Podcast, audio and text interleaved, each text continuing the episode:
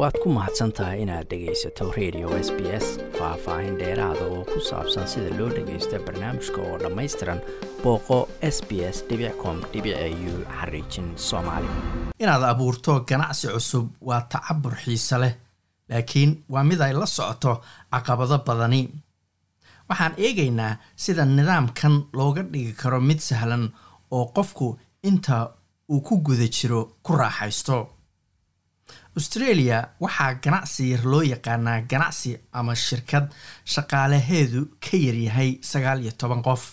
Ganacsiyada yaryar intooda badan waa kuwo ay maamulaan shaqsiyaadka iska leh oo loo yaqaano owner operated ama soul trader operated.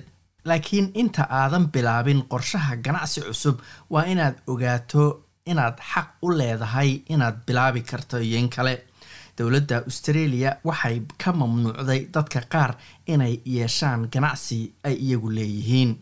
Dadkaas waxaa ka mida dadka hore u kacay ama u masallafay oo ah nidaam qofku caddaysto markuu shaqsiyan ama shirkad uu leeyahay ay iska bixin weydo qarashaadkii lagu lahaa. Sidoo kale waxaan loo ogolayn inuu ganacsi samaysto qof dembi lagu xukumay marka aad fikradda ganacsiga la timaado waa inaad magaca shirkadda ka diiwaangeliso hay'adda loo yaqaano australian securities and investment commission oo asig loo soo gaabiyo oo ah hay'ad maamusha shirkadaha iyo ganacsiga dalkan. Bruce macfarlan waa madaxa blue rock oo fadhigeedu yahay melbourne oo ah hay'ad ka taageerta dadka fikradaha ganacsi la yimaada arrimaha maaliyadda xisaabaadka iyo weliba taageeridda si ganacsigooda ay markaasi dhidibada ugu aasi lahaayeen. Maer macfarlan ayaa sheegay in haddii aad doonayso inaad ganacsi cusub abuurto aad u baahan tahay inaad su'aalo aad adag isweydiiso. Sida maxay tahay dhibaatada aan ku xalinayno ganacsigan cusub? Ama haddii fikraddu ay hore u jirtay aad gees kale ka eegayso?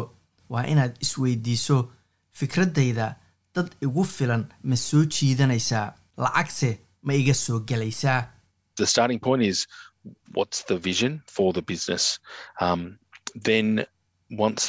meesha laga bilaabayo waa muxuu yahay hamiga wakhtiga dheer ee ganacsigan ka bacdina markuu qofku go'aankaas uu gaaro waxaa jira shuruudo iyo arrimo sharci oo ay tahay in ganacsiyada qaar ama dadka qaar ay buuxiyaan.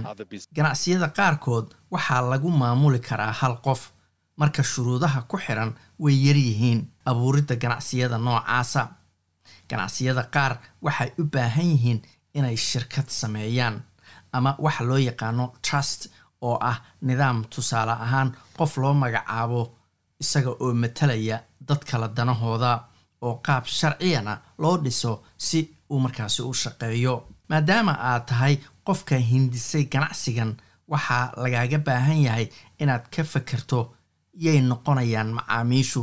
Maalgelin noocee ah ayaad u baahan tahay si aad u horumariso ganacsiga oo ay ku jirto inaad meel kiraysato sida xafiis ama sidoo kale aad dad shaqaalaysiiso alexandra sinclair waa milkiilaha port dispensary oo ah stuudio lagu naqshadeeyo laguna kaydiyo dhoobada ceramicska la yidhaahdo oo guryaha lagu dhiso ama loo isticmaalo. Waxay ganacsigeeda melbourne ka bilowday sanad ka hor waxayna sheegtay in inkastoo fikraddu ay aada ugu kala caddayd balse inay dhidibada u taagto oo dukaanku howlgalo bilo ay ku qaadatay since we got the property it took me about five or six months before I was able to open.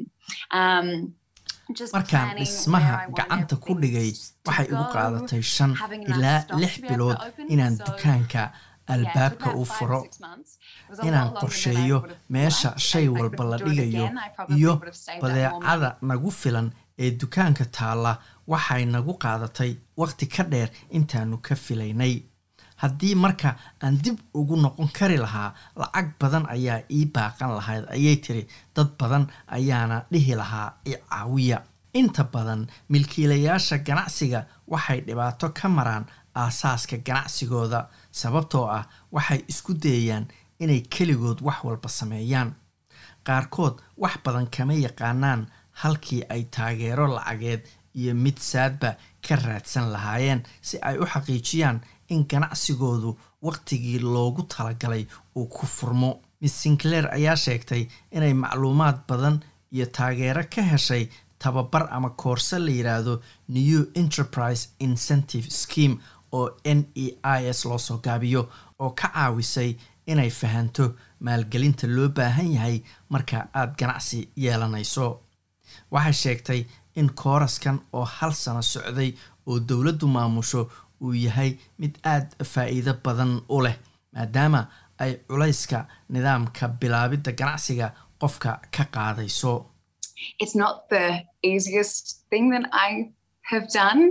um, ma ahayn wixii ugu sahlanaa ee aan sameeyey.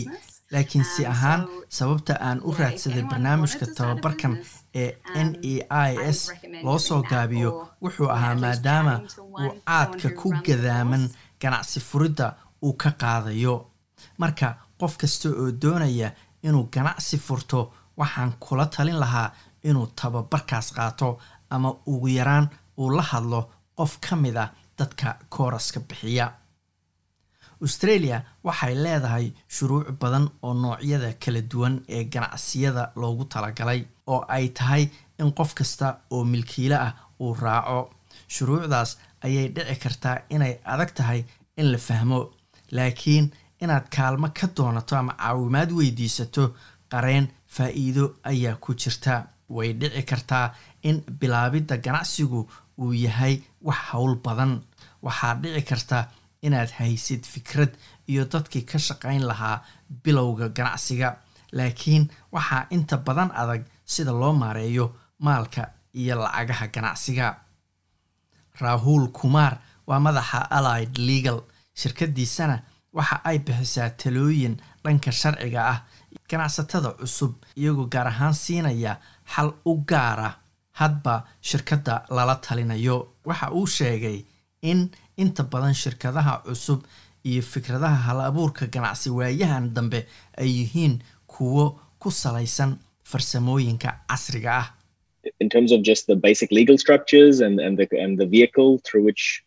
Uh, marka laga hadlayo qaab sharciyeedka aasaasiga ah oo ah injiinka ganacsigu ku shaqaynayo deg deg ayaa loo samayn karaa. laakiin waxaa howl adag ah in ganacsiga la kiciyo waxayna ku xiran tahay hadba sida ganacsiga hawshiisu ay u fudud tahay ama u adag tahay ama nooca uu yahay. Inta badan dadka leh ganacsiyada yaryar iyo kuwa dhexe waxay qaataan dayn oo ganacsigooda ay ku kiciyaan. Laakiin waxaa inta badan adag sidii lagu heli lahaa daynbixiye fahmaya baahida gaarka ee ganacsigaasi